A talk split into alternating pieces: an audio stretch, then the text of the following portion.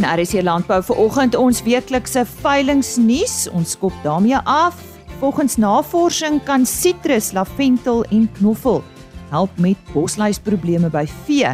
Frans Hag van Allied Nutrition verduidelik hoe produsente dit deel van hulle dip-programme kan maak. Ons praat ook met Kailan Liversage van Trail Rider Saddles op Belfast oor die rede vir saalsere by veeperde en hoe dit voorkom kan word. Goeiemôre van my Lise Roberts. Ja, dit is tyd vir RSC Landbou so lekker vroeg op hierdie maandagooggend. Ek vertrou jou naweek was net fantasties.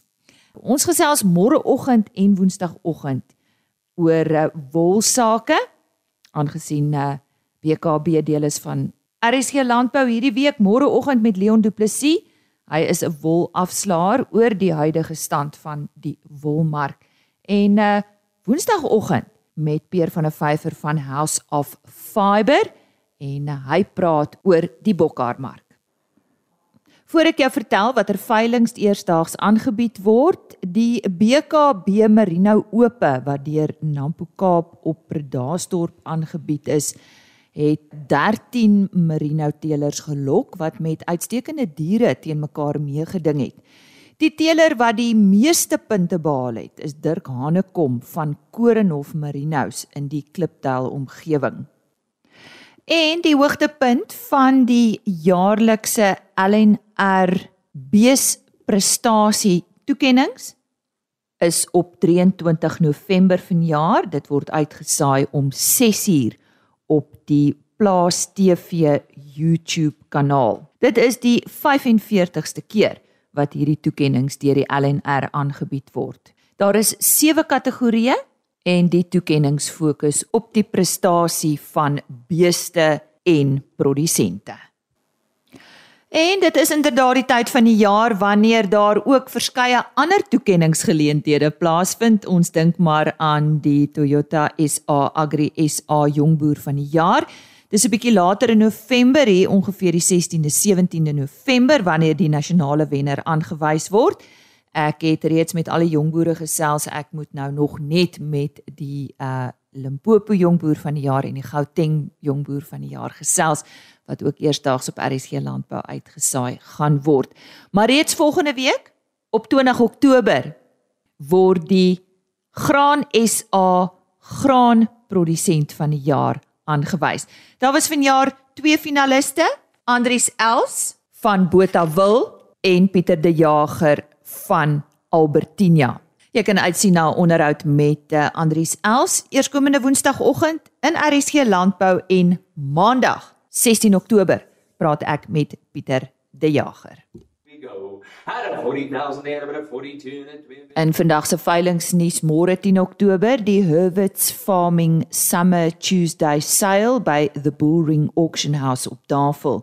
Op 12 Oktober Kreer Bonsmaras en LHB Bonsmara produksieveiling by Waterpas Laagte Boshoff. Op 14 Oktober Milagro produksieveiling by Oesterbaai in die Oos-Kaap. Op 18 Oktober, De Bruin Bonsmaras en Kalkveld boerdery produksieveiling by die Vryburg skougronde. Op 20 Oktober vlakte Bonsmara se 14de bulveiling en ek gesels uh, donderdagoggend in RC Landbou met Kobus de Tooi oor hierdie veiling. Dis op die plaas Doringpan in die Rutan omgewing en op 21 Oktober die 3de Prestige Limpopo Boran veiling by die Warmbad Veemark. Dit is dan vandag se veilingsnuus. Ons gesels nou oor saal sere wat voorkom op uh, op veeperde. Nou dis 'n lekker onderwerp en iets waaroor ek nou nog nooit persoonlik in RSG landbou gesels het nie. Ek praat onder meer met uh, Kailan Liversage. Nou hy is van Trail Rider Saddles op Belfast in Mpumalanga en ek het onlangs 'n artikel oor juis oor hierdie onderwerp gelees. Kailan, vertel ons net eers kortliks van jou belang by die perdebedryf uh, en wat jy tans doen. Waar het alles vir jou begin? Ons het begin in die Laagveld. Ek het groot geword in die Laagveld. So naweek het maar bestaan uit perde dip en perde leer en perde toere saam my pa doen. So ons het weer trails gedoen en my pa het begin saals maak vir homself wat beter werk op perde, jy kan langer tydperk op te weet dit langer vir langer tyd perde ry. So ons het op 'n latere stadium met my pa begin om vir die uithourit bedryf saals te maak en natuurlik vir vir die plaaswerk. Goed. Nou jy's nou 'n kundige op die gebied soos mense kan hoor, julle werk is om saals te maak en ons praat met jou vandag oor saalsere wat uh, veeperde opdoen. Hoe algemeen is dit in Suid-Afrika? Man, dis dit dis 'n dis redelik algemeen. Ehm um, omdat 'n plaasperd is maar 'n werksesel wat maar net eintlik maklike 'n maklike vervoermiddel is um, om 'n groter area te dek deur die dag en natuurlik weet ehm um, dit vat baie baie baie minder uitgawe as jy kyk na vandag se dieselprys. Ehm um, en onkunde speel 'n groot rol in in saalsere. Ek weet dis dis maar die myn probleem op hierdie stadium wat dit aanbetref. Ja, so die rede hiervoor is maar onkunde en uh wat van iets soos mense wat dalk dink ehm um, dis nie so belangrik nie, 'n saal is 'n saal. Dis presies daai onkunde waarvan ek praat. Weet baie boere koop 'n saal by die koöperasie want hy het 'n rekening daar en dan gee hy hom vir die werker en niemand kyk ooit daarna nie en die werker is te bang om vir die boer te sê hoorie ehm um, my perd het gerol met die saal of my straps het gebreek so baie keer maak die werkers sommer gou self 'n dingetjie reg met 'n stuk tou of met 'n stuk draad en dit en dit veroorsaak omdat dit nie duidelik sigbaar is nie veroorsaak dit baie keer jou weet jou saalsere. Nou goed, kom ons gesels oor die basiese beginsels. Hoe weet jy of 'n saal ordentlik pas? Waarna moet jy kyk?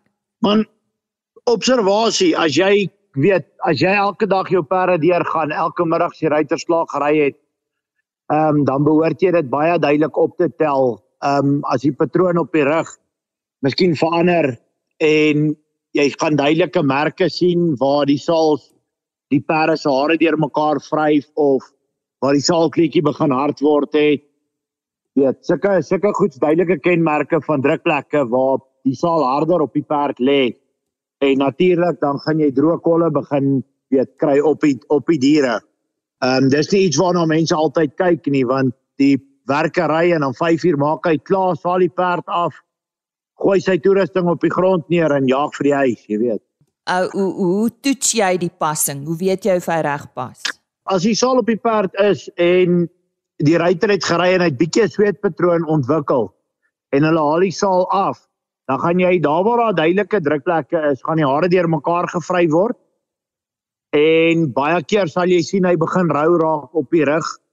Ehm um, dis baie ons baie duidelike tekens. Ehm um, as jy net bietjie kyk daarna, maar meeste ouens sien dit eers raak as hy toevallig by die perde verbyry op 'n naweek of so maar dan is die skade al klaar daar en die perd het klaar seer gekry. Uh, kan 'n dikker saal kleed nie 'n verskil maak nie. Ehm um, op die rugstring as jy drukplekke op die rugstring kry, dan kan 'n dikker saal kleedjie 'n verskil maak. As jou saal te breed is vir jou perd. Ehm um, maar sodra jy 'n dikker saal kleedjie op 'n nouer saal sit, dan begin jy weer druk weer dan begin die kleedjie vir jou drukplekke aan die weet aan, aan beide kante van die perd veroorsaak. Hmm. Hoe hoe weet jy of daar drukking is? Ek bedoel daai seer word nie onmiddellik sigbaar nie. Wat is nog tekens? Man jou, soos ek sê, jou jou hare begin deurmekaar vryf of die hare begin afkom. Dis dis tekens wat jy duidelik op jou saalkleetjie sal sien.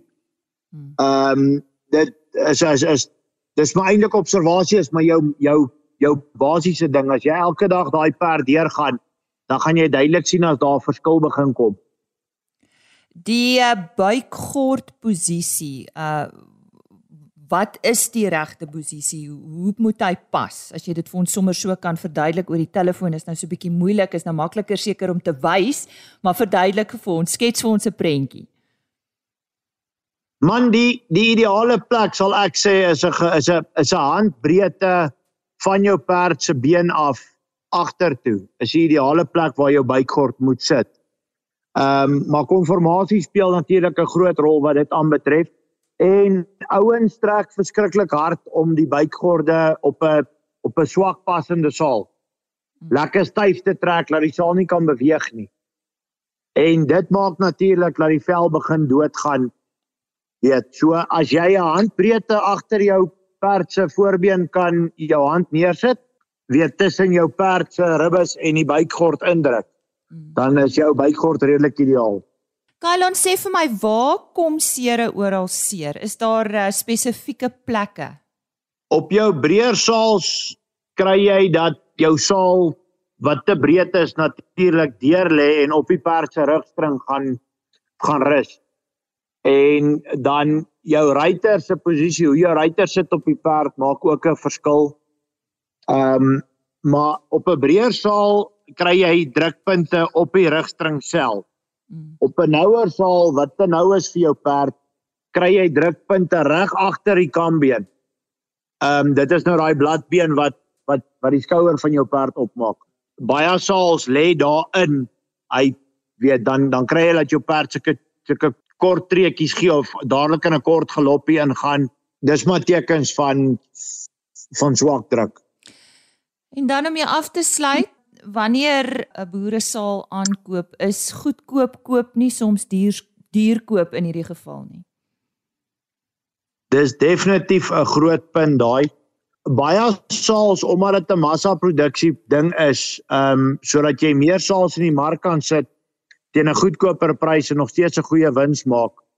Uh veroorsaak dat baie saals met spykers en skroefies en goed aan mekaar gesit word. Wat op, op die oog af op as jy daar splinter nuwe saal kyk, dan lyk hy pragtig en mooi.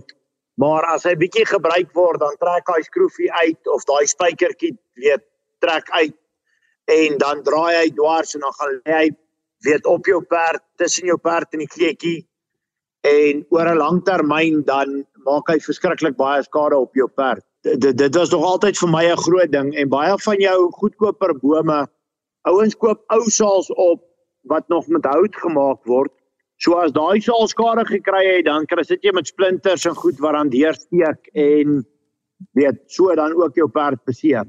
Nou ja, dit gaan op die ou end hierso ook oor diere welsyn as ek reg Kailan. Dit ja, kyk die die die skade wat 'n saal aan 'n perd kan rig is is redelik groot. Ehm um, weet dit kan so erg raak dat 'n perd se rug rou seere op het en 'n perd verloor verskriklik baie kondisie omdat hulle nooit ekstra voeding kry nie. Ehm um, so die perde raak al hoe skraler en weet so so so soos met 'n motorfiets wat so elke nou en dan gediens word. Baie min mense gaan die perde deur of gaan die perde toerusting deur om seker te maak dis reg. Ehm um, en dit pas die perd goed en dit dit veroorsaak ongelooflik baie skade op 'n perd. Kylon baie dankie. Dit was Kylon Liversage van Trail Rider Saddles op Belfast in Mpumalanga.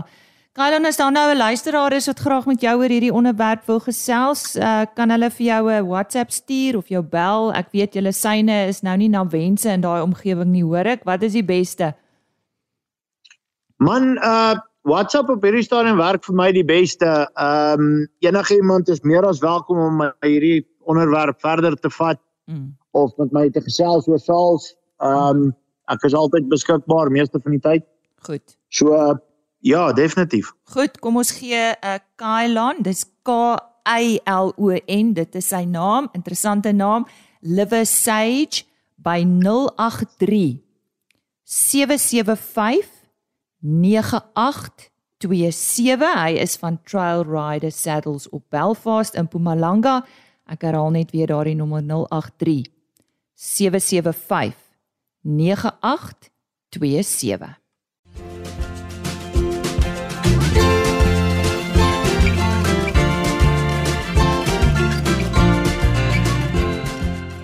Dit is tyd van die jaar wanneer ons produsente moet bewus wees van bosluisbeheer. In die somerreënvalgebiede wag ons nog vir die reën, maar uh dis uh, nooit te vroeg om uh, voorsorg te tref vir dit wat mag kom nie. Ons praat oor bosluisbeheer, maar 'n natuurlike benadering en ek praat met Frans Hag. Hy's 'n tegniese bestuurder by Allied Nutrition. Frans, ons soos ek gesê het, ons nader nou die somer en saam met die lekker weer sien ons ongelukkig ook meer bosluise op ons diere. Waarna kan die boere kyk om die komende bosluisseisoen beter aan te pak? Goeiemôre. Môre Lise en, en dankie vir die geleentheid om weer saam met jou te mag gesels. Lise, ja, die ek dink die produsente moet eers gaan kyk na watse diprodukte hy laas jaar gebruik het en hoe effektief die produk gewerk het. Ehm um, dis ook belangrik om te kyk hoe gereeld die produsent se diere dip. Want daar ons weet daar's diprodukte wat 'n lang werkende effek het en dan is ook ander produkte wat 'n kort werkende effek het. Nou die langwerkende produkte is gewoonlik duurder, maar natuurlik hou dit langer op die diere. Maar dis ongelukkig begin ons al hoe meer ervaring soos ek die land rondreis, ehm um, dat die bosluise al hoe meer weerstand opbou teen die bosluis dipmiddels. En dit gebeur gewoonlik in die produsent vir 'n te lang tyd daai dieselfde dipmiddel gebruik op sy diere of as hulle wil koste spaar, ten min van die dipmiddel op die diere spuit. Ons sien ook dat die produsente gewoonlik die hele dier dip en nie net strategiese plekke nie. En wat ook nie altyd die beste is nie, want ons soek en veral by beeste en skaap en bokke en so aan wil ons nie al die bosluise afval van die dier nie. Ons wil graag nog 'n paar bosluise op die dier hou sodat die beeste of die skaap weerstand kan opbou teen die siektes wat die bosluise oordra. Frans, hoe algemeen is die weerstandigheid van bosluise teen die huidige dipmiddels? Lise, daar sou reeds in die 1980s uh weerstand van bosluise teen sekere dipmiddels waargeneem. Weet ons sien uh weerstand van bosluise teen die organe fosfate en dan in 1981 is ook al reeds gevalle waargeneem waar die, die bosluise op die diere weerstand opgebou teen iets soos amitrase. In die 1990s is ook al weer aangemeld dat die Asiatiese blou bosluis wat 'n groot probleem in ons land is op oomblik al weerstand begin opbou teen amitrase. Vandag lees sien ons ook meer plase waar die boshuispopulasie weerstand opgebou het teen die meeste van die dipmiddels. So wat nou tot gevolg is dat die boer meer gereeld moet dip om die boshuis onder beheer te hou. Maar dit kan ook die probleem moontlik vererger. Jammer genoeg is daar ook nie 'n groot verskeidenheid aktiewe bestanddele um, om van te kies nie. So die middels wat ons het, moet ons so oordeelkundig as moontlik gebruik sodat die bosluise nie na daarbye toekoms meer weerstand opbou teen hierdie middels nie. En daarom moet ons dit begin oorweeg om na meer natuurlike metodes te kyk wat ons kan deel maak van die huidige bosluisbeheerprogram. As ons bosluise meer kan beheer met natuurlike produkte, dan kan dit lei dat ons minder van die chemiese produkte moet gebruik En dit lei dan weer tot 'n verlaging in die risiko dat ons boshuise weerstand opbou teen die huidige chemiese produkte. Nou goed, kom ons gesels oor daai natuurlike produkte. Kom ons kyk na hulle. Hoe kan hulle deel word van die bosluisbeheerprogram? Lise, ek dink kom ons kyk eens gou na watse plante is daar. En volgens literatuur is daar meer as 200 plantspesies wat geïdentifiseer het as bosluisweerende of bosluisdodende produkte. Daar's 'n hele aantal proewe gedoen met hierdie natuurlike alternatiewes. Van die hulle as voorbeeld is 'n uh, lemoenbossie ekstrakt wat op beeste gedip het en het gesien dit is tot 93% effektief om bosluise af te weer. Ander gepubliseerde navorsing het lavendel ekstrakt gevat in hoë konsentrasies en dit was byvoorbeeld 100% effektief om bosluise dood te maak in 'n laboratorium. Ander navorsing het gekonsentreerde knoffel olie ekstrakt op beeste gedip en ons het sien dat daai gekonsentreerde knoffel ekstrakt tot 98% effektief was om bosluise af te weer.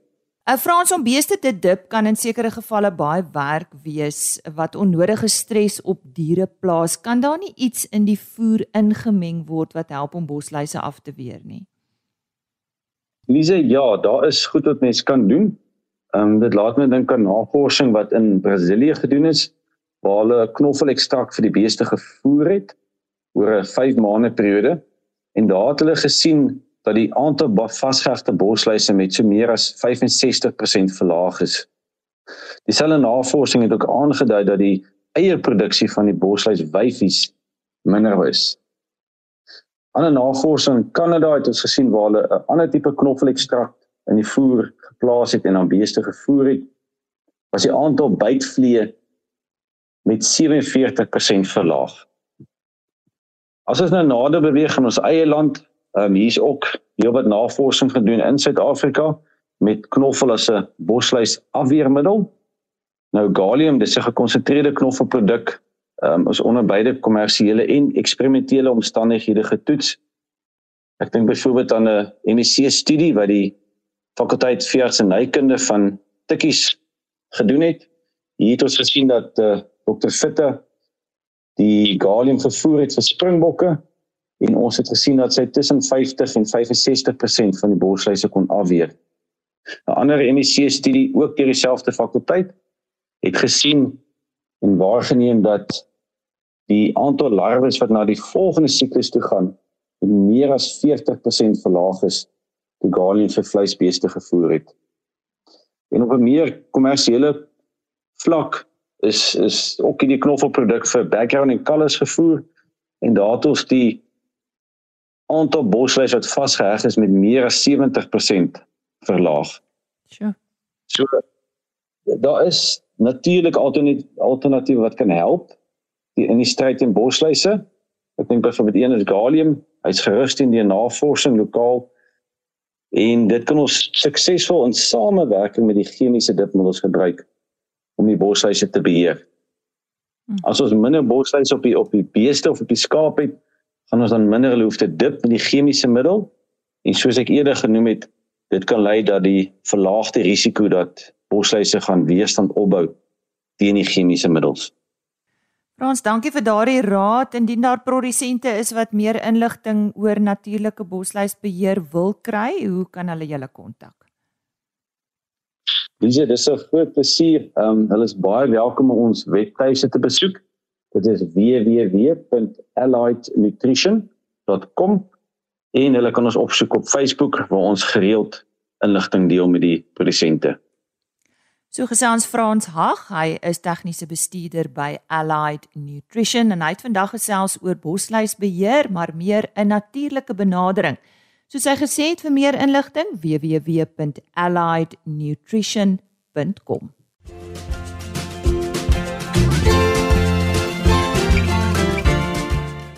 Voor ek groet net iets oor môreoggend se program soos ek vroeër genoem het Leon Du Plessis van BKB hy's 'n wolafslaer praat oor die wolmark maar uh, Hendrik Victor is ook op sy pos met ons wolmark verslag en, en dan praat ek ook met Johan Bender van TWK Agri oor baalnette en die voordele daarvan. Dit is maar uh, van die stories môreoggend in RSG landbou. Onthou RSG landbou is op rsg.co.za as potgooi beskikbaar Jy kan ook gaan kyk by www.agriorbit.com en 'n uh, e-posadres rsglandbou@plaasmedia.co.za. Ek kuier weer môre saam met jou. Totsiens. RSG Landbou is 'n plaasmedia produksie met regisseur en aanbieder Lize Roberts en tegniese ondersteuning deur Jolande Rooi.